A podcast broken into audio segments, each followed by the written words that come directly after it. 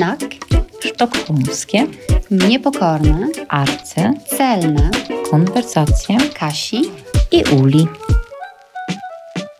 Witam bardzo serdecznie. E, mówi Ula Chowaniec i Katarzyna Tubylewicz. E, proszę Państwa, Snack e, pojawił się już e, dwa tygodnie temu. Państwo mogą szukać nas na Facebooku. To jest adres Kasi i Uli. Mogą Państwo też poszukiwać przez nasz Snack, czyli S-N-A-C-K, albo przez hashtag Kasi i Uli i do poszukiwania nas i współpracy z nami, wysyłanie nam pytań. E, serdecznie, serdecznie zapraszamy i namawiamy. Jeszcze powinniśmy chyba powiedzieć, bo ja chcę e, tutaj e, trochę zdradzić kulisy tego, jak pracujemy, że my się spotykamy w różnych bardzo fajnych miejscach i najpierw e, mamy taki plan, że zaczniemy od razu nagrywać podcast, a potem przez dwie godziny zajmujemy się czymś innym. I chyba muszę wspomnieć, że dzisiaj jesteśmy na przepięknej wyspie Resara, gdzie Ula mieszka. To jest niedaleko Sztokholmu, a jednocześnie nad morzem, w lesie pośród wspaniałego śniegu i byłyśmy najpierw na spacerze e, i dyskutowałyśmy o podcaście. Potem e, trochę zjadłyśmy zbyt duży, ale bardzo zdrowy i wegetariański lunch. E, I dopiero teraz będziemy nagrywały. Także bardzo jest pięknie wokół nas. Ja w tej chwili wyglądam przez okno i widzę słońce, i śnieg, i drzewa, i czuję się jak w bajce. Tak, a śniegu jest mnóstwo, mnóstwo, mnóstwo, proszę Państwa. E, jest taka absolutnie prawdziwa y, zima. Zresztą zdjęcia tej zimy Państwo e, będą mogli zobaczyć na naszym Facebooku. A skoro o śniegu, to będziemy mówić, proszę Państwa, w, dzisiaj o filmie e, Śniegu już nigdy nie będzie e, Małgorzaty Szumowskiej i będziemy trochę e, rozmawiać o tym, jakie były nasze wrażenia. Potem, proszę Państwa, opowiemy sobie trochę o tym, co dzieje się w Polsce i o kwestii aborcji, a potem porozmawiamy o miastach niemożliwych i pochodzenia z miast niemożliwych. Będzie o książce Marcina Kąckiego Oświęcim e, Czarna Zima.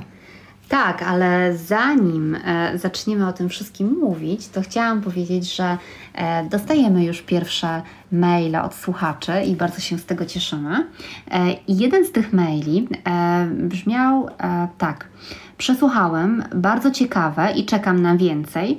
E, ciebie już trochę znam, znam z książek, wywiadów, raz Cię spotkałem w Kulturhuset w Sztokholmie, ale Uli zupełnie nie.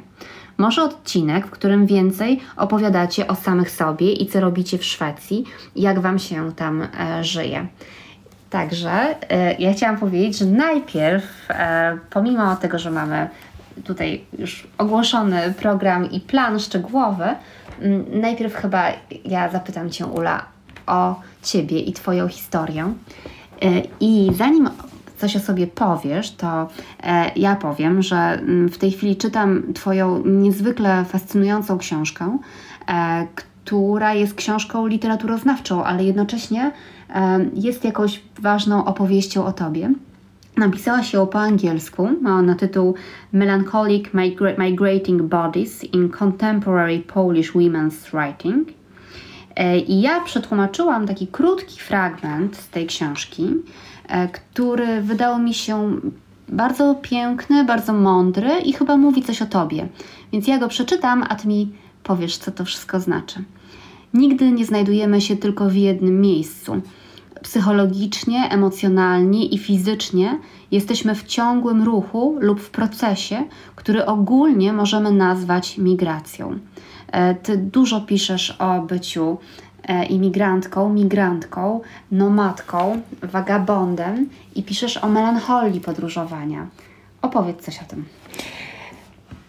Dziękuję. Ojej, to ja jestem e, trochę. E, e, zaskoczona, e, że będzie o mnie, a miało być e, o wszystkim innym. Ale będzie też o wszystkim innym. Proszę Państwa, ja jestem literaturoznawczynią i zajmuję się literaturą i literaturą kobiet przede wszystkim właściwie od zawsze. Moja pierwsza książka była o Irenie Krzywickiej i jej powieściach i dlatego bardzo często będę do niej wracać, ponieważ jest to jakby bohaterka i guru mojego życia. To była Mm, osoba, e, której pisarstwo i taka filozofia życiowa była bardzo dla mnie bliska i bardzo ważna. E, a potem zajęłam się e, literaturą kobiet w różnych kontekstach, trochę komparatystycznych między literaturą polską a rosyjską, literaturą polską a angielską i w tych moich badaniach zajmowałam się E, właśnie taką, takim gestem wyjeżdżania, ucieczki, e, bycia skąd inąd. I doszłam do, do tematu melancholii, który jest tematem bardzo męskim, proszę Państwa, ponieważ historycznie rzecz ujmując, melancholia była taką, była takim e, gestem mężczyzny. Odpowiednikiem melancholii u kobiet jest, jak myślisz? E, histeria. Oczywiście, jest mhm. histeria, a zatem mężczyzna e, wchodzi w melancholię, kiedy świat go nie rozumie, kobieta krzyczy histerycznie, kiedy świat jej nie rozumie. Ale oczywiście Państwo doskonale e, czują, że nie jest to e, prawda, dlatego zastanawiałam się, jak to wygląda w literaturze współczesnej i e, chciałam zobaczyć takie wziąć takie okulary genderowe, okulary, płci i zobaczyć i przeczytałam kilka y, książek, y, książek, które były wydane po tak zwanej transformacji w Polsce i, y, i zobaczyć, jak ta histeria, melancholia się E, się manifestuje, ale jak mówisz, to była książka też o mnie, książka no, więc o właśnie, bo ty zostałaś teraz e, profesorką uniwersytecką i ja oczywiście uwielbiam, e, kiedy nią jesteś, ale to jest podcast. W podcaście miesza się wysokie z niskim i miesza się nasza wiedza z naszym prywatnym życiem. E, a ja wiem, że Ty jesteś osobą, która mieszkała w Finlandii, Hiszpanii, e, długo w Anglii, w Londynie. Teraz od czterech lat w Szwecji, czterech, trzech. E, także ja myślę, że jednak musisz powiedzieć trochę o sobie prywatnie, anegdotycznie, skąd ty się wzięłaś w tych wszystkich krajach. No dobrze, to myślę, że zaraz po krótkiej przerwie możemy wrócić do tego i ja na chwilę o sobie y, opowiem.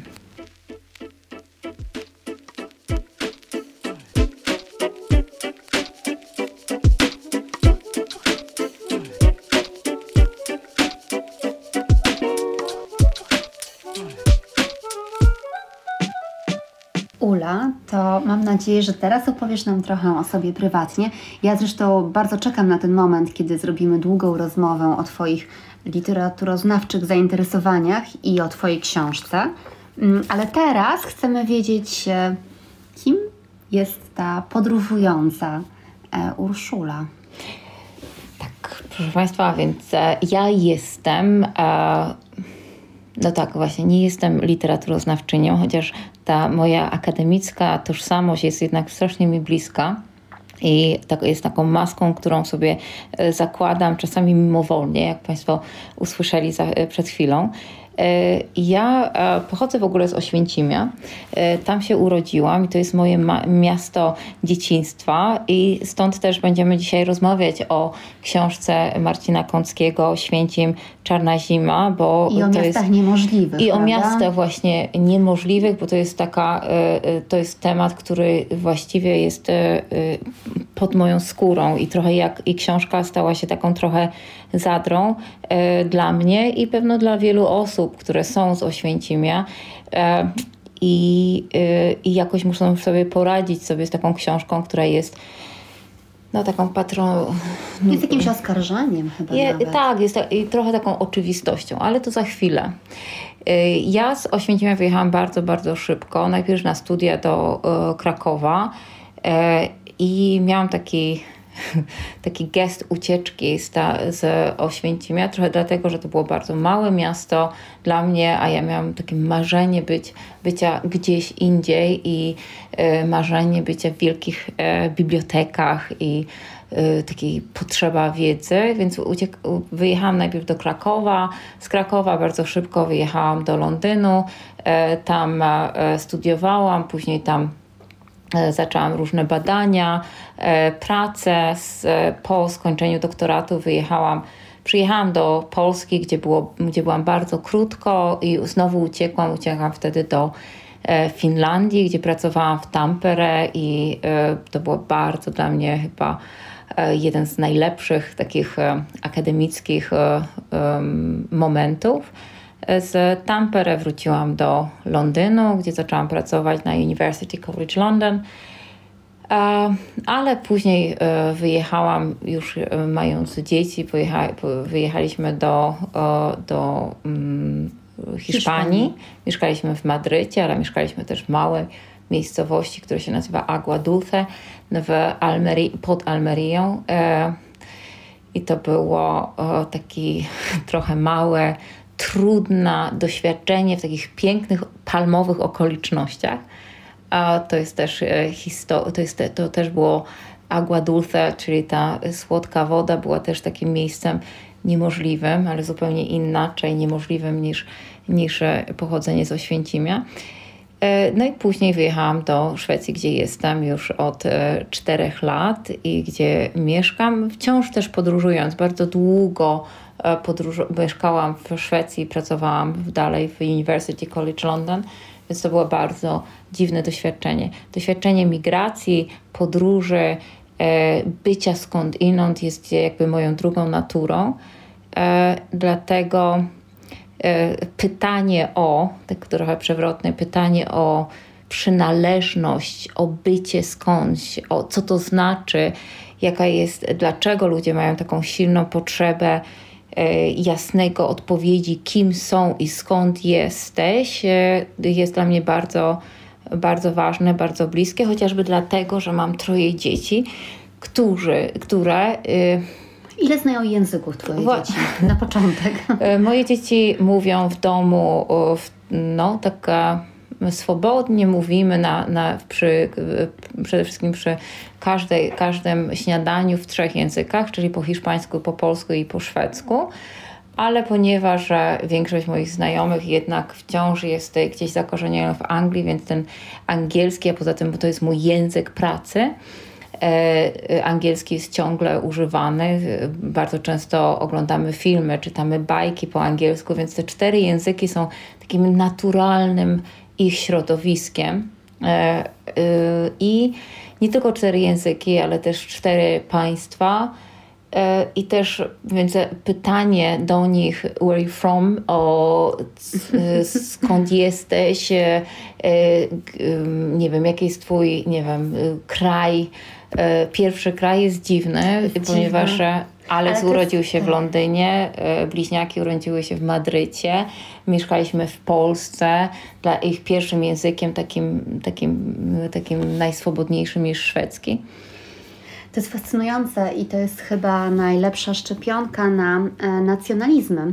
E, fakt, że w Europie na pewno jest coraz więcej ludzi, e, którzy po prostu nie mogą powiedzieć prosto i jednoznacznie skąd są i jaka jest ich tożsamość, bo jest ona tak bardzo przemieszana. I tylko ciekawe jest to, że mm, mam wrażenie, że w Polsce, jeżeli ktoś mówi o tym, że nie do końca wie skąd jest, nie do końca wiem, który kraj jest moim krajem, to w Polsce natychmiastowa reakcja to współczucie. E, mhm. och, e, na pewno jesteś nieszczęśliwy z tym. A ja myślę, że dla takich ludzi, jak na przykład nasze dzieci, bo mój syn ma, jak już wspominałam, trzy obywatelstwa i zdecydowanie też taką tożsamość e, no, polsko-szwedzką e, przemieszaną, bardziej szwedzką, ale ta polskość też e, w nim jest i na pewno jest w nim spojrzenie z zewnątrz na oba kraje, które to spojrzenie jest moim zdaniem czymś e, bardzo cennym e, i dającym człowiekowi i otwartość, i umiejętność zrozumienia innych ludzi. E, I tutaj powiem, bo, bo powiedziałaś o pytaniu, skąd jesteś, że trudno na nie odpowiedzieć. Ja coraz częściej zastanawiam się nad tym, czy to pytanie w ogóle należy zadawać e, w tak wielokulturowych miejscach, jak na przykład e, Sztokholm. E, bo mm, tutaj jest dużo ludzi z różnymi akcentami, ale jeżeli mieszkasz gdzieś powiedzmy 20 albo 30 lat i za każdym razem, gdy spotykasz nowych ludzi, oni pytają cię, skąd jesteś, to to ma w sobie jakąś taką niejednoznaczność, bo to jest podkreślenie, nie jesteś stąd, prawda? Mhm. Choć z drugiej strony w Stanach Zjednoczonych to jest pierwsze pytanie, które zadają sobie Amerykanie, przyzwyczajeni, przyzwyczajeni do tego, że, że zmieniają stany, że, że jeżdżą e, w poszukiwaniu pracy i, i że e, ma się hometown, a później mieszka mhm. się w różnych innych e, miejscach. Więc to oczywiście też jest obciążone kulturowo, jak reagujemy na takie pytanie. Ale mm, ja sama czasem otrzymuję to pytanie, czasem nie. E, mam zdecydowanie akcent, kiedy mówię po szwedzku, ale jest to akcent nieokreślony. Trudno mm. powiedzieć, że to jest akcent polski. E, I taką zabawną historią z tym związaną jest historia o mojej bardzo bliskiej przyjaciółce, z którą razem praktykuję codziennie rano jogę. I kiedy my się spotkałyśmy, to mm, od razu jakoś tak polubiłyśmy się i rozmawiałyśmy ze sobą w jogowej szatni właściwie codziennie, zawsze po szwedzku. E, I to tak trwało trzy miesiące. Ja słyszałam, że ona nie jest Szwedką, ale nie miałam pojęcia skąd jest. E, ona tak samo nie wiedziała skąd ja jestem, ale żadna z nas nie zadawała tego pytania.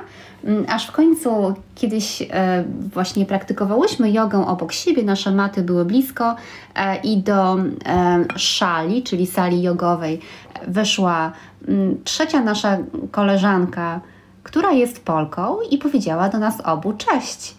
I okazało się, że my, Polki, spotkałyśmy się na jodze i mówimy ze sobą cały czas po szwedzku. Więc to jest to ryzyko związane z niezadawaniem pytania, skąd mhm. jesteś. Ale jest, ale to niezadawanie pytania ma w sobie też mm, pozwolenie człowiekowi na to, by był skąd mu się podoba i by nie musiał tego definiować, zwłaszcza tak szybko w jakiejś wymianie zdań hmm. pierwszej, kiedy się dopiero poznaliśmy. Ale oczywiście. E, problem polega na tym, że to jest e, najczęściej pytanie o przynależność, to jest też pytanie o język. E, je, język ten nasz pierwszy jest językiem, który jest językiem dzieciństwa, jest językiem często różnych takich e, żartów, kontekstów kulturowych, filmów, e, które oglądaliśmy. To jest, to jest coś bardzo bliskiego, ale też drugi język, czy trzeci, czy czwarty może być, może wejść w nas w sposób tak podobnie głęboki i dlatego E, dlatego często właśnie mówi, myślenie w takich kategoriach, właśnie tylko jeden język, tylko ten pierwszy język jest językiem, w którym czujemy, jest oczywiście nieprawdziwe, bo, no bo moje dzieci prawdopodobnie mm, czują różne rzeczy w różnych językach i one są absolutnie trójjęzyczne. Trochę to jest inaczej, kiedy się, e, kiedy, kiedy dostajesz te języki jakby od razu. Tak. Ja zdaję sobie z tego sprawę, ale też e, ja czuję po sobie, kiedy już właściwie większość czasu żyję poza, e, większość czasu swojego życia żyję poza Polską, to dla mnie inne języki są równie dobrym takim, taką tak, nie wiem, mechanizmem czy sposobem, czy narzędziem, eks, narzędziem e, ekspresji, narzędziem wyrażenia się. No, jeżeli wierzyć Wittgensteinowi i temu, że granice mojego języka są granicami mojego świata, to dobrze mieć e, więcej języków, e, nawet jeżeli zdarza się tak, że ten pierwszy język zostaje w jakiś sposób e, zmieniony czy zanieczyszczony, a może mm. wzbogacony E, jakimiś słowami e, z kolejnych języków, bo to czasami się zdarza. Ja tego raczej staram się unikać, ale na przykład w rozmowach z moim synem e, zdarza nam się wrzucać jakieś szwedzkie słowo, jeżeli ono nie ma polskiego odpowiednika, bo oczywiście istnieją takie słowa, których nie da się szybko e, przetłumaczyć. Lagom. Na przykład. E, proszę Państwa, o słowach, których się nie da przetłumaczyć po szwedzku i w innych językach, na pewno będziemy kiedyś opowiadać, ale ja tylko e, taki, taką uwagę, że właściwie język jest też na, w jakiś sposób nas e, determinuje to, jak język wyraża nasze doświadczenie. Często właśnie mówimy, że jesteśmy wykorzenieni jako, e, jako migranci, jako nomadzi, e, że, że i to wykorzenienie kojarzy się jako coś negatywnego. Ja zawsze myślę, że być może jesteśmy wykorzenieni, ale te korzenie być może pozby, pozbycie się tych korzeni powoduje, że Mamy dostajemy skrzydła, skrzydła tak. i możemy sobie i patrzymy na świat trochę inaczej, trochę y, z trochę innej perspektywy. Mm. Choć pewnie czasem czujemy melancholię. Tak. Musimy wrócić do naszego planu, bo po prostu dygresja za dygresją. Dokładnie. Proszę Państwa, a zatem porozmawiajmy o, o tym, że podobno śniegu miało nie być. Śniegu już nigdy nie będzie, czyli e, film Małgorzaty Szumowskiej z 2020 roku, który teraz e, pojawia się na różnych festiwalach który jest e, kandydatem do Oscara. Co o nim sobie myślimy?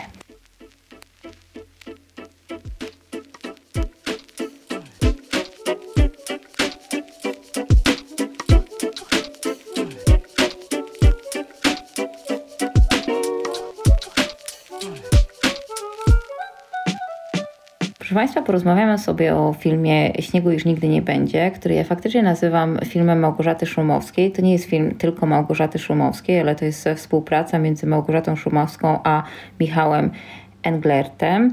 I to jest e, film, który premierę miał we wrześniu 2020 roku. Mamy 2021 ale mm, właśnie niedawno obejrzałyśmy ten film na festiwalu w Göteborgu. Ten y, film dodajmy, że oczywiście festiwal y, przez pandemię był festiwalem online, y, ale miałyśmy ogromne oczekiwania względem tego filmu i w związku z tym umówiłyśmy się e, na wieczorne oglądanie Szumowskiej jeszcze z naszym e, bliskim przyjacielem i to miało być takie wielkie święto polskiego kina. E, naprawdę oczekiwania mm, były trudne do opisania i muszę powiedzieć, że jak film się zaczął e, i pierwsze jego sceny, e, masaż, doskonała mm, Maja Ostaszewska. Był taki moment, że siedzieliśmy we trójkę i po prostu wydawaliśmy z siebie odgłosy zachwytu, prawda? Bo wydawało nam się, że zaczyna się coś naprawdę świetnego, co powie nam coś ważnego o Polsce albo o ludziach, o świecie, e, ale później miny nam zrzedły. Bo proszę Państwa, historia jest e, bardzo prosta i historia jest bardzo ciekawa. Oto Żenia, e, człowiek, który pochodzi z miasta niemożliwego, to wciąż będzie jakby tematem naszych, naszego podcastu teraz, ponieważ pochodzi z Czarnobyla. I on e, jest masażystą i jest takim medium, ale też wojerem, który, medium, który wprowadza i przez masaż leczy innych, wojerem, który ogląda i podgląda świat innych, ale podgląda ten świat takim małym osiedlu, zamkniętym, takim kondominium, bardzo który luksusowym, bardzo luksusowym, ale absolutnie absurdalnym, za dużo A, za dużo ab, ale yy, i proszę, ponieważ to jest te, takie nowobogackie, yy, luksusowe osiedle pałacyków, ale te pałacy są położone tuż obok siebie, prawda, z jakąś odległością 20 metrów. Wszyscy patrzą w wszyscy swoje patrzą w swoje pałacowe za duże okna i wszyscy wszystko widzą. E, I Żenia ma e, uleczyć, ma jakoś wpływać, ma zmieniać e, ten świat tych małych, nowobogackich, trochę ograniczonych, samotnych i niesamotnych, nieszczęśliwych, schorowanych, neurotycznych ludzi. I właściwie faktycznie ten potencjał tego filmu jest olbrzymi i czekamy na jakąś intrygę, czekamy aż coś się wydarzy. Jest pełno jakichś zawiązanych akcji, ale nic się nie wydarza. Nic się nie wydarza. Ja mam wrażenie, że to, co najbardziej mnie zdenerwowało w tym filmie, mm, to jakiś rodzaj mm, kalkulacji, zimnej kalkulacji jego twórców, polegającej na tym, że oni po prostu włożyli w scenariusz wiele e, modnych tematów. Mm, tam jest ekologia i oczywiście e, ocieplenie e, klimatu, Wycinanie i śniegu nie będzie, i wycinanie drzew. I jakaś próba, niestety dość płytkiej e, krytyki mieszczańskiego życia i mm, poszukiwanie nowej duchowości, ale to poszukiwanie jest jakoś bardzo też powierzchowne i ograniczone. Także mm, to jest taki film, e, w który wrzucono wiele różnych błyskotek, e, oczywiście jakieś elementy feminizmu, ale też niezwykle spłyconego. Em, I, e, no i niestety tam w ogóle nie ma bohatera, w którego dałoby się uwierzyć. E, Nie ma opowieści. Jest bardzo wielu dobrych aktorów, którzy nie za bardzo mają co grać, bo mam wrażenie, że nie rozumieją swoich bohaterów, tak jak my też ich nie rozumiemy. No niby jest to ładnie sfotografowane, ale chyba jednak e, ta wizualna uroda filmu tym razem nie wystarcza. Mm, Więc to jest film, e, który po prostu nie wnosi nic. Oglądasz go i możesz cieszyć się swoimi ironicznymi komentarzami. My się bardzo cieszyliśmy, ale, ale nie filmem, No tylko tak, sobą. e, cieszyliśmy się naszą e, e, towarzystwem i oglądaniem tego Mhm. filmu, a poza tym jest jakaś forma przyjemności, takiej wspólnej krytyki. Ależ oczywiście. Ale no tak, proszę Państwa, trochę jest tak, że film Śniegu już nigdy nie będzie. Jest filmem, który zaskakuje brakiem akcji. Zaskakuje tym, że po 15 minutach już nic więcej się nie wydarza, jest tylko reprodukcja tych samych bardzo przewidywalnych e, scen, a przecież mogło się tyle wydarzyć. Ale jest tam też jakaś pustka, prawda? I pod tym względem to będzie chyba dosyć zaskakujące skojarzenie, ale mnie ten film się skojarzył e, z innym, inną produkcją, która mnie niezwykle zawiodła, e, czyli z ostatnio mm, modnym i oglądanym przez wielu e, serialem, który po polsku ma tytuł Od nowa, e, zrobiony przez moją ukochaną duńską reżyserkę Susan Beer i pokazywany przez HBO. I to jest e, film, w którym e, grają gwiazdy, m.in. e, Nicole Kidman i Hugh Grant. I taki niby bardzo ciekawy i zaangażowany thriller. A uważam też, nie będziemy teraz wchodzić w temat tego serialu, ale uważam, że jest to też bardzo płytka historia, pełna jakichś takich stereotypowych obrazów kobiecości i męskości, z bardzo ładnymi e, zdjęciami Nowego Jorku, za którym naprawdę tęsknię, bo dawno, dawno w Nowym Jorku nie byłam i strasznie chciałabym znowu tam być.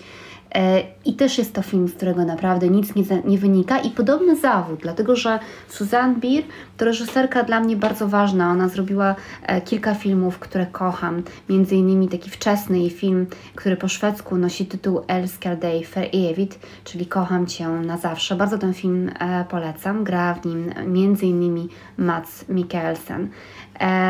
No i mam wrażenie, że Susan Bier po prostu e, współpracując z komercyjnym kanałem, z, mm, z producentami amerykańskimi, e, straciła pazur, straciła jakąś taką wrażliwość e, i zrobiła coś przewidywalnego i niepotrzebnego. Ten serial nie musiał powstać. I nie wiem, czy coś takiego też nie stało się tym razem z Szumowską, którą ja też bardzo cenię za kilka filmów. Na przykład jej Ciało uważam za film doskonały, ważny, poruszający. A tutaj ona chciała zrobić coś, co wszystkich zachwyci. No i tak, to jest kandydat do Oscara, ale to jest film, e, który nie zostawia nic. E, Ciało zdecydowanie jest filmem, który jest przede wszystkim filmem, który jest zrobiony w bardzo fajny, gatunkowy sposób. To jest właśnie taka, taki komediodramat, ale ta e, komedia, ten śmiech, takie żarty tam e, wpisane są właśnie w, spo, w sposób gra, gry na przykład tej e, Anny, psychoterapeutki, granej przez, Maję Ostaszewską. I one, to jest jednak zrobione w sposób niezwykle, z jakimś takim wyczuciem i i, e, i, i to jest takim szczególnym przypatrywaniem się ludzkim osobowościom, ale ja myślę, że najważniejszym takim receptą dobrego filmu jest intryga, jest dobrze opowiedziana historia. I bohaterowie, jest portrety bohater, tak, są jednoznaczne, które głębokie. są właśnie portretami y, ludzi, którzy w jakiś sposób opowiadają nam jakąś konkret, konkretną historię. Jak my się w tej, z tej historii odnajdziemy, jakie to będą lustra dla nas, to już jest nasza sprawa, to jest nasza interpretacja, ale y, robienie po prostu luster jest czymś, e, co powoduje, że film staje się właśnie taką, takim e, salonem krzywych luster, w których oglądamy się i widzimy jakieś różnego rodzaju powykrzywiane twarze, które nie są nami i nic nam nie mówią. Tak. E, jest jakaś chyba nadprodukcja w ogóle i filmów, i seriali, i książek też. Być może jest tak, że twórcy, ja sama też jestem twórcą i może zbyt często ma się takie poczucie, że trzeba zrobić coś nowego, a może czasem trzeba się e, zatrzymać, pożyć, poobserwować świat e, i zrobić coś, co będzie jednak ważne. Nawet jeżeli będzie to lekkie, ale niech, niech ma w sobie coś, e, co nas porusza. Zaskoczy. Prawda? Rozbawi jest... naprawdę. Tak. Nie tak, że trochę się śmiejemy, a trochę nudzimy. A tak właśnie a propos e, Twoich różnorakich działalności i, i dokonań, e, chciałabym e, tak właśnie rozmawiając o filmach i ważnych filmach, przypomnieć bardzo ciekawą książkę szwedzką, książkę, książkę, która nosi tytuł po polsku Nigdy nie ocieraj łez bez rękawiczek, książka Johana, Jonasa, przepraszam, Gardela. E, Jonas Gardel napisał e, książkę, która można by było nazwać e, gejowską, którą nazywa się gejowską love story, książka o epidemii AIDS w, w, mm, Szwecji. w Szwecji w latach 80. Niezwykle ważna, czegoś co w Polsce nie ma, ale ty ją przetłumaczyłaś ta książka też została w świetny sposób e, zfilmowana. Jest taka ekranizacja telewizyjna, zdaje tak, się. Trzy odcinki. Trzy odcinki e, tego, e, tego filmu i to jest, to jest recepta na, na, na coś ważnego. Po pierwsze odpowiada do, na jakiś problem społeczny, opowiada świetną historię, gatunkowo jest świetna, to jest taki właśnie nowy romans, romans wpisany w taki bardzo fajny y, Sztokholm lat 80. Y, ja pamiętam, jak pierwszy raz oglądałam to z przyjaciółmi i wszyscy y, mówili, o zwróć uwagę na, na, to, y, na tę barierkę, na w okrągłą barierkę na na, y, na dworcu centralnym, y, w, na T-Centralen w Sztokholmie i faktycznie on, to jest piękne, piękne miejsce, które w latach 80. to było taki właśnie gay spot, mm, tak. Y, strasznie ciekawe. To jest bardzo fajna historia, opowiadająca o, no, o ważnym problemie, przedstawiająca niezwykle ważny problem społecznej społecznego yy, nastawienia. społeczeństwa w tak. stosunku do chorych, w stosunku do ludzi. Więc którzy byli najsłabsi w tamtym momencie, bo, tak. bo książka Gardela e, była jakimś rodzajem oskarżenia i uświadomienia e, Szwecji socjaldemokratycznej, e, że to naprawdę nie tylko tak, że mm, do lat 70. prowadzono tutaj sterylizację osób które uważano za niepasujące do perfekcyjnego społeczeństwa, ale że także w latach 80. E, na przykład sugerowano, że osoby, które są nosicielami HIV albo są chore na AIDS, powinny mieć e, tatuaże, żeby je łatwo rozpoznać, albo powinno się je wysyłać na jakieś wyspy archipelagu, żeby tam oddzielnie mieszkały.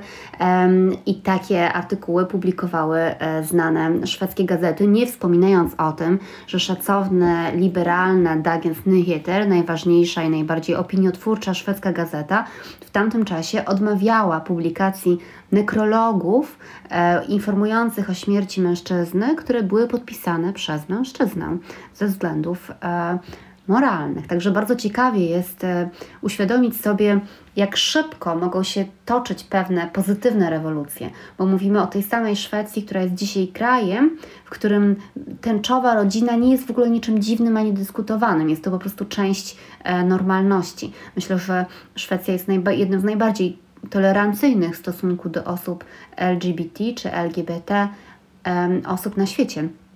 E, a jest to kraj, który w latach 80. był okropny na wiele sposobów. Tak, i to widać w tym filmie. Ja, e, ja, ja przeszłam do tego tematu, dlatego że mam wrażenie, że takich, takich historii, opowieści, opowieści zaangażowanych, fajnych opowieści też e, potrzebujemy. Niech to będą okrągłe narracje. To co z tego, ale być może e, są dla nas ważne, bo one też uczą, prawda? Bo one też pokazują, zobaczcie, tak jest, jak się zmienia społeczeństwo, jak musi się zmienić, jak e, nietolerancja, mm, jak, jak, jakaś też motywacja religijna czy ideologiczna spowoduje, że ludzie po prostu są nieszczęśliwi. Jest to y, niezwykle ważne i tych narracji takich właśnie potrzebujemy, a ale pytanie też, jak e, ty znalazłaś tę książkę i jaka była twoja przygoda z tłumaczeniem? Czy jaka była, jaka była reakcja polskich e, e, czytelników na tę książkę? To tylko powiem jeszcze a propos filmów, bo właśnie jesteśmy tak bardzo dygresyjne, że muszę tutaj zrobić dygresję, że na tym samym festiwalu w Göteborgu pokazywany był film fiński pod tytułem Tuwe i jest to opowieść o wczesnych latach życia Tuve Jansson, mamy Muminków. I to jest fascynujący film o niesamowicie inspirującej kobiecie i naprawdę bardzo polecam, żeby go zobaczyć. Zrobiła go Zaida Bergroth e, i to jest film, który na pewno będzie w Polsce pokazywany. On jest też fińskim kandydatem do Oscara i wcale się nie zdziwią, jeśli go dostanie, bo tam właśnie jest to, czego zabrakło u Szumowskiej, czyli wspaniała bohaterka i świetnie opowiedziana historia. A jeżeli mm, pytasz mnie o Gardela, ta książka mm, w Szwecji była no, po prostu kultowa w pewnym momencie. To mm, była lektura, która, która wzruszała ludzi wszystkich pokoleń, obu płci, więcej niż obu płci, wszystkich, wszystkich tożsamości, myślę, płciowych. E, I ja miałam e, jakieś takie przekonanie głębokie, że tę książkę powinno się czytać w Polsce i że to jest też książka, która może zrobić bardzo wiele dla szerzenia tolerancji, przez to, że mm, będąc w jakiś sposób dobrą powieścią na temat e, no, niedawnej historii e, i, i dobrą powieścią społeczną, jest, tak jak powiedziałaś, także wspaniałym romansem, książką, nad którą ja płakałam, kiedy tak. ją tłumaczyłam. E, I pomyślałam sobie, że jeżeli taki romans o dwóch młodych chłopakach będzie czytała E, Polka lat 30, 40, 50, albo Polak w tym samym wieku, który jest osobą heteroseksualną, a po prostu e, przeczyta tę książkę, e, no bo będzie ciekawy i z różnych względów, to, to to może zupełnie zmienić myślenie o, o osobach LGBT. Niestety ta książka nie została we właściwy sposób wypromowana i ona nie trafiła do tego przeciętnego E, polskiego czytelnika, natomiast stała się książką kultową w pewnych kręgach. I mhm. to jest książka, e, która mm, ona do dzisiaj do mnie trafia w taki sposób, że kiedy mam spotkania autorskie, no teraz dawno nie miałam spotkań autorskich przez pandemię, ale kiedy mam spotkania autorskie w Polsce, to zdarza się, że przychodzą do mnie ludzie właśnie z książką Gardela, mimo że ja jestem tylko jej tłumaczką e, i dziękują mi za to, że ona jest i, i proszą o to, żebym ją podpisała i nie dzieje się tak z żadnymi innymi moimi przekładami. Także jest coś, e, co coś bardzo dobrego w tym, że ta książka stała się chyba ważna e, i, i w jakiś sposób może no, stała się jakąś częścią e, opowieści też o sobie samych, iluś tam ludzi w Polsce, którym była potrzebna. Oczywiście. I to już mnie cieszy. I proszę Państwa, nigdy nie ocieraj łez bez rękawiczek Jonasa, Jonasa e, Gardela w tłumaczeniu Katarzyny e, Tubylewicz. Zdecydowanie e, zapraszam do tej lektury, bo jest to niezwykle ważna rzecz. Warto też poszukać serialu telewizyjnego. Ten serial był emitowany w polskiej telewizji. Chyba da się go zobaczyć na YouTube. Być może nawet tak da myślę. się go zobaczyć na jakichś otwartych kanałach. Rzecz niezwykle, niezwykle ważna. Ważna też dla polskiej rzeczywistości, tej rzeczywistości, która przez osta w ostatniej dekadzie była taka targana różnymi absurdami, absurdami związanymi z, gender, z genderami tak zwaną wojną o gendery, e, wojną z genderem, e, z e, absurdem stref wolnych od LGBT, LGBT różnymi absurdami związanymi językowymi, te, z tak zwaną ideologią tęczową, ty, czy ludźmi tęczowymi i tak dalej, a teraz z z absurdem związanym z e, kolejną próbą radykalizacji bardzo już e, restrykcyjnego prawa antyaborcyjnego. To jest rzecz, która jest niezwykle ważna i porozmawiajmy chwilę, chwilę choć temat smutny, i, ale jakże, jak, jakże ważny. Porozmawiajmy o tym, co się dzieje w polskiej dyskusji publicznej.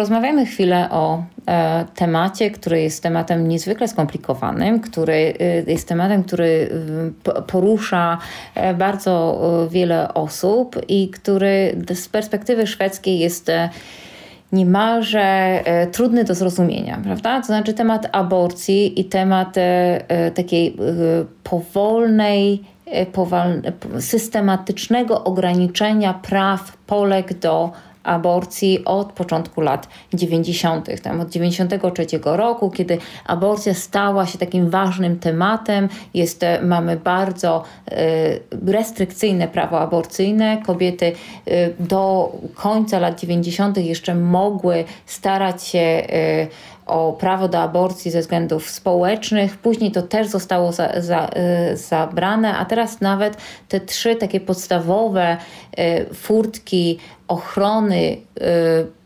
praw kobiet do aborcji, czyli w przypadku uszkodzenia płodu, w przypadku ciąży, wynik, która wyniknęła z gwałtu lub skazirodztwa, lub w przypadku zagrożenia życia matki, kobiety, to jest, e, e, to jest e, teraz też dyskutowane czy kwestionowane.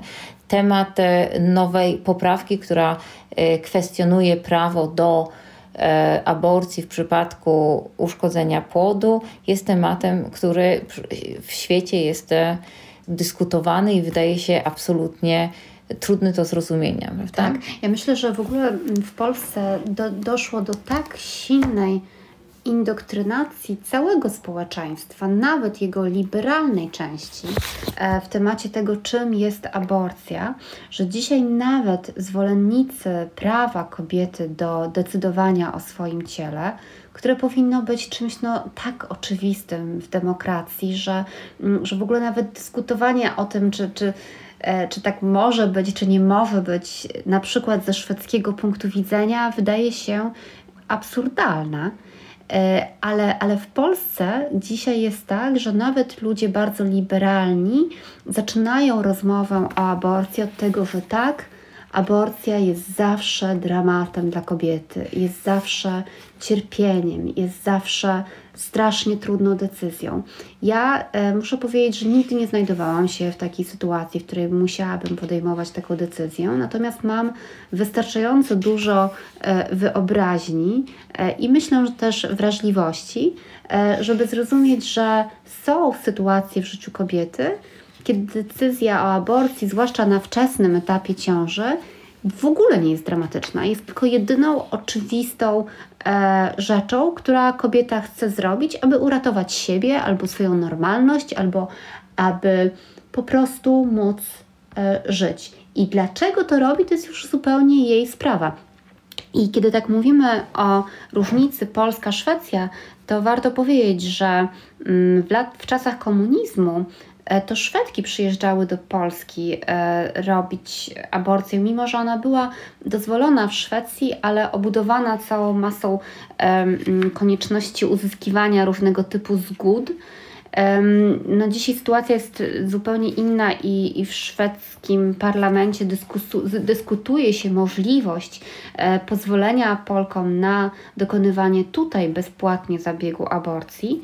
Mm, w tej chwili w Szwecji aborcja na żądanie kobiety e, jest możliwa do 18 tygodnia ciąży, a potem e, mm, aborcja jest nadal możliwa, ale tylko w pewnych sytuacjach i wymaga uzyskania dodatkowych e, zgód. No właśnie, to jest bardzo ciekawe, o czym mówisz, o tym, że y, mm, w kwestii dyskusji nad aborcją problem polega też nad językiem. My często e, zupełnie naturalnie mówimy nie o płodzie, ale o dziecku, dziecku. nie o, e, mówimy o trudnych decyzjach, mówimy o, wchodzimy w jakąś dyskusję etyczną nad, dyskus- nad decyzją, która często nie jest zupełnie związana z decyzją etyczną. To jest, to jest w jakiś sposób e, e, kwestia mm, pomyłki, e, problemu, który wynika z jakichś, nie wiem, przypadkowych, nie, nie, niechcianych konsekwencji, nie wiem, jakieś spotkania, prawda? I jakby nie mamy, nie mamy wyrobionego takiego zdania zupełnie liberalnego, że często aborcja nie jest jakąś strasznie skomplikowaną decyzją, prawda? To są, to są decyzje właśnie młodych dziewczyn, młodych kobiet, które po prostu decydują się, że teraz nie jest czas na to, żeby posiadać dziecko, a są e, Tak, ale to może być e, też decyzja kobiety dojrzałej, która ma już e, pięcioro dzieci i uważa, że za późno, by mieć następne dziecko, albo kobiety, która jest żoną przemocowego męża, który ją zgwałcił i nie chce mieć z nim więcej dzieci. Tych możliwości jest mnóstwo. I, e, I wydaje mi się, że w ogóle e, jest no, surrealistyczne, e, że o takich sprawach mają decydować politycy albo wyznawcy jakiejś religii, bo wydawałoby się, że jednak Polska cały czas nie jest państwem wyznaniowym. A jeżeli mówimy o aborcji w kategoriach moralnych, to wydaje mi się, że jedynym tematem, który rzeczywiście wymaga myślenia o etyce, jest kwestia um, tego, jak długo można robić aborcję. Myślę, że jest ogromna różnica pomiędzy zrobieniem bardzo wczesnej aborcji, Mhm. a zrobienie, zrobieniem jej na późnym etapie ciąży. I, e, I o tym można dyskutować. E, natomiast e, dyskutować o tym, czy, czy komuś wolno usunąć ciążę w jej pierwszych tygodniach, jest e, zupełnie, nie, to nie przystaje na pewno tak, do Unii jest, Europejskiej. Do absolutnie, bo to jest też dyskusja o y, środkach wczesnoporonnych. Prawda? To, jest, jest dyskusja do tego, że młoda dziewczyna idzie do lekarza, y, ginekologa i prosi o pomoc, a nagle pojawia się pytanie o klauzulę sumienia. Coś, co jest, wydaje się w jakimś zupełnie jakimś średniowiecznym niemalże, niemalże wymysłem. Tak, albo że pigułka po w Polsce nie jest normalnie dostępna w aptece, jak to jest w Szwecji, e, tylko e, że trzeba mieć na nią receptę, podczas tak. gdy należy ją wziąć, zdaje się, 40 godzin najpóźniej po stosunku. Mało tego, trochę... że jest nie tylko e, niedostępna, ale trzeba za, trzeba za nią zapłacić, prawda? To jest, tak. to jest mm. coś, co, co ja pamiętam z, z czasów właśnie mojej młodości w, w Londynie, w, kiedy byłam na studiach i wtedy to było czymś zupełnie zupełnie takim praktykowanym często, nawet jeżeli się nie miało e, nie miało powodu, żeby podejrzewać o, y, o zajście w ciąży, że dziewczyny szły do apteki i prosiły o, o, o tę y, tabletkę wczesnoporonną i się ją za, zażywało Ale ona y, właściwie, trochę... pigułka po, nawet wydaje mi się, że słowo wczesnopor, wczesnoporonna jest złym słowem. Być może. Dlatego, że to, to nie jest poronienie. Ona nie doprowadza, to jest pigułka, która powstrzymu, powstrzymuje przed połączeniem się tak, plemnika tak. z jajeczkiem. O, o myśleniem, tak. cokolwiek. Tak, mm. te, ten język, to tylko wynika, nawet nasza dyskusja pokazuje, że język e, e, mówienia o kobiet, o prawach kobiet do swojego ciała, o prawach kobiet do decydowania, e, czy ja ochronię się przed pewnym, pewną decyzją, która wpłynie na moje życie. Całościowo, jest, na tak, bardzo wiele lat. Tak, absolutnie dramatycznie, drastycznie. E, jest językiem, który cały czas jest uwikłany w różnych rodzajów jakieś takie um, dość konserwatywne pro, projekty życiowe i, i dość konserwatywne myślenie o naszych, e, o naszych um, decyzjach. ja myślę, że aborcja, mm, proszę Państwa, jest, takim, że jest taką rzeczą, która powinna być, jest taką kwestią, która powinna być przede wszystkim e, decyzją absolutnie prywatną. I, a prawo powinno e, chronić jak, e, każdy tę prywatną decyzję przed mm, jakimkolwiek możliwością przemocy, prawda? Przemocy ideologii na kobiecie, przemocy religii na kobiecie, przemocy mężczyzny czy nie wiem, partnera e, na kobiecie. E, ja chciałam tutaj um, wspomnieć o dwóch bardzo ważnych publikacjach i ja myślę, że wszyscy, którzy jesteśmy tutaj, zastanawiamy się nad tym, czym jest aborcja, jaka jest historia aborcji w Polsce, to y, są takie dwie książki, na, y, które już są długo na polskim rynku, ale o których warto, y, proszę Państwa, pamiętać. To jest książka Kazimiery Szczuki Milczenie owieczek, rzecz o aborcji. Książka przez, wydana przez wydawnictwo WAB i to jest książka już z 2004 roku. Już wtedy wydawało się, że jest źle, ale jest e, coraz e, gorzej, ale jeszcze chyba lepszą i dla nas bardzo ważną, zwłaszcza dla młodych ludzi, dla, dla szkół ponadpodstawowych, średnich jest ważna książka, właściwie trochę podręcznik, książka Katarzyny Bratkowskiej i Kazimiery Szczuki jeszcze raz. To jest duża książka o aborcji wydawnictwa Czarna Owca z 2011 roku, która w sposób niezwykle jasny opisuje kwestie mm, językowe, Y, dyskursy polityczne, ale też pokazuje, jaka jest y, y, jakby najlepsze myślenie, jaka najlepsza perspektywa, jeżeli chodzi o, o aborcję i też cytuję mnóstwo osób. Ja tylko zacytuję tu profesora Stefana Glasera, polskiego prawnika, adwokata, specjalisty od prawa karnego, który mówi, i to jest bardzo ważne w kontekście tej dyskusji teraz, która wymaga y, decyzji prawnej, decyzji konstytucyjnej, która wymaga od polskich kobiet heroizmu, y, który, który jest niemalże jakąś okrucieństwem. E, więc profesor Stefan y, Glaser mówi tak: prawo, prawo nie może wymagać od osób mu podległych heroizmu Ustawy są bowiem obliczone na ludzi przeciętnych i dla nich wydawane. I ja myślę, że to jest bardzo, e, bardzo ważna e, perspektywa. My po prostu, prawo powinno po prostu nas chronić. Nas, którzy być może nie mamy warunków yy, ani psychologicznych, ani emocjonalnych, ani ekonomicznych, ani jakichkolwiek materialnych do tego, żeby, yy, żeby zmagać się nie tylko z ze zdrową ciążą, ale z ciążą zagrożoną. Ja myślę, że to oczywiście powiedziałyśmy teraz dużo rzeczy, e, o których w Polsce się dyskutuje i, i które mówią e, różni inni ludzie. Więc to, co prawdopodobnie powinnyśmy dodać z tej naszej perspektywy pomiędzy, pomiędzy Szwecją a Polską, pomiędzy kulturami, pomiędzy językami, to właśnie fakt, że nawet te sprawy, które wydają się ważnym tematem dyskusji moralnej, e, są niezwykle relatywne i to nie relatywne na tym poziomie, że istnieje różnica między tym, jaką czymś się myśli w Europie, a jak się myśli o tym powiedzmy w mm, Egipcie, e, tylko e, mówimy tutaj o, o różnicach między krajami, które ze sobą sąsiadują.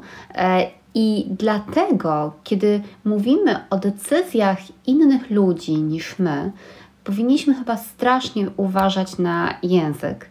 E, I nie wydaje mi się, że osoby, które bronią prawa kobiet do decydowania o swoim ciele, że powinny powtarzać jak tę mantrę po to, by nie wzbudzić agresji e, słuchaczy, że powinni powtarzać właśnie, że, że aborcja to zawsze jest taki trudny wybór moralny i cierpienie dla kobiety. Po prostu dlatego, że jest to też narzucanie pewnej perspektywy, także etycznej.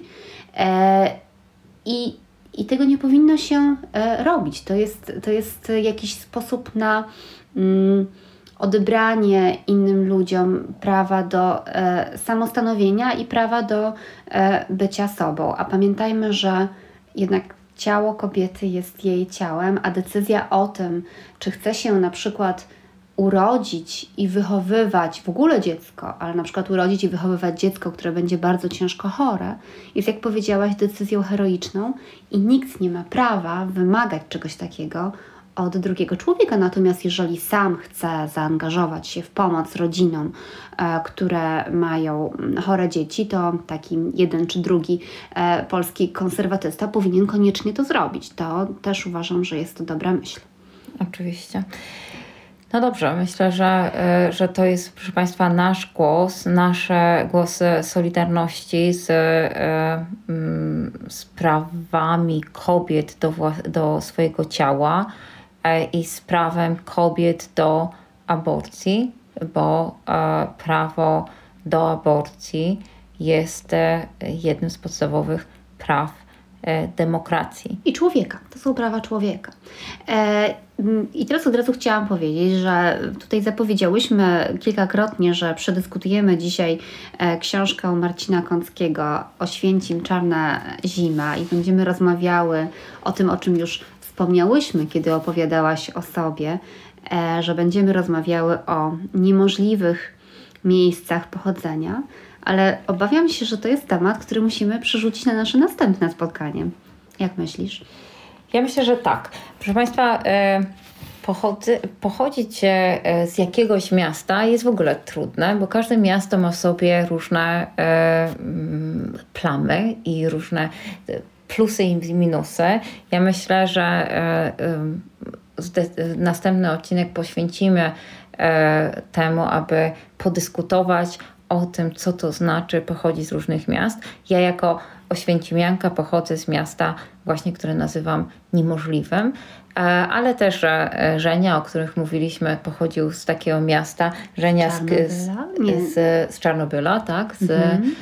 Żenia z, z, tej nieudanej opowieści e, e, Zimy już nigdy nie będzie, ale też można sobie wyobrazić, że ktoś pochodzi z Hiroshimy, można sobie też wyobrazić, że ktoś pochodzi z z Staliningradu i moją taką anegdotką życiową jest właśnie historia na konferencji, o e, właśnie taka konferencja kulturowa, w której jedna z bohaterek opowiadała o mieście właśnie niemożliwym, czyli o życiu, powojennym życiu Staliningradu i na jakichś konferencyjnych kuli, kuli, kuluarach powiedziałam jej, że ja jestem z Oświęcimia i trochę sobie właśnie tak podyskutowałyśmy, że, że y, na temat, która z nas e, Gorzej. ma, pochodzi z bardziej koszmarnego hmm. miasta.